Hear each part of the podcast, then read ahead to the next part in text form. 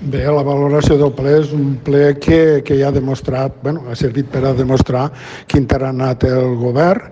Eh, ens pugen ja directament els impostos sense massa miraments, eh, excusar-se amb un pla de sanejament aprovat a l'any 21 i que comportarà uns increments eh, per tots els ciutadans de la Meda de Mar.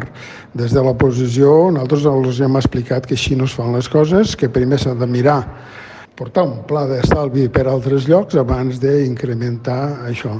Eh, Amagar-se detrás, com he dit, del pla de sanejament no és, no és, penso que no és correcte. I en quant a la brossa, també un estudi, al nostre entendre, que per part dels responsables polítics hauria de ser molt, molt més detallat i molt més curós a l'hora de veure quins realment són els costos i per a on s'hi podria fer més justícia a l'hora d'aplicar aquest tribut.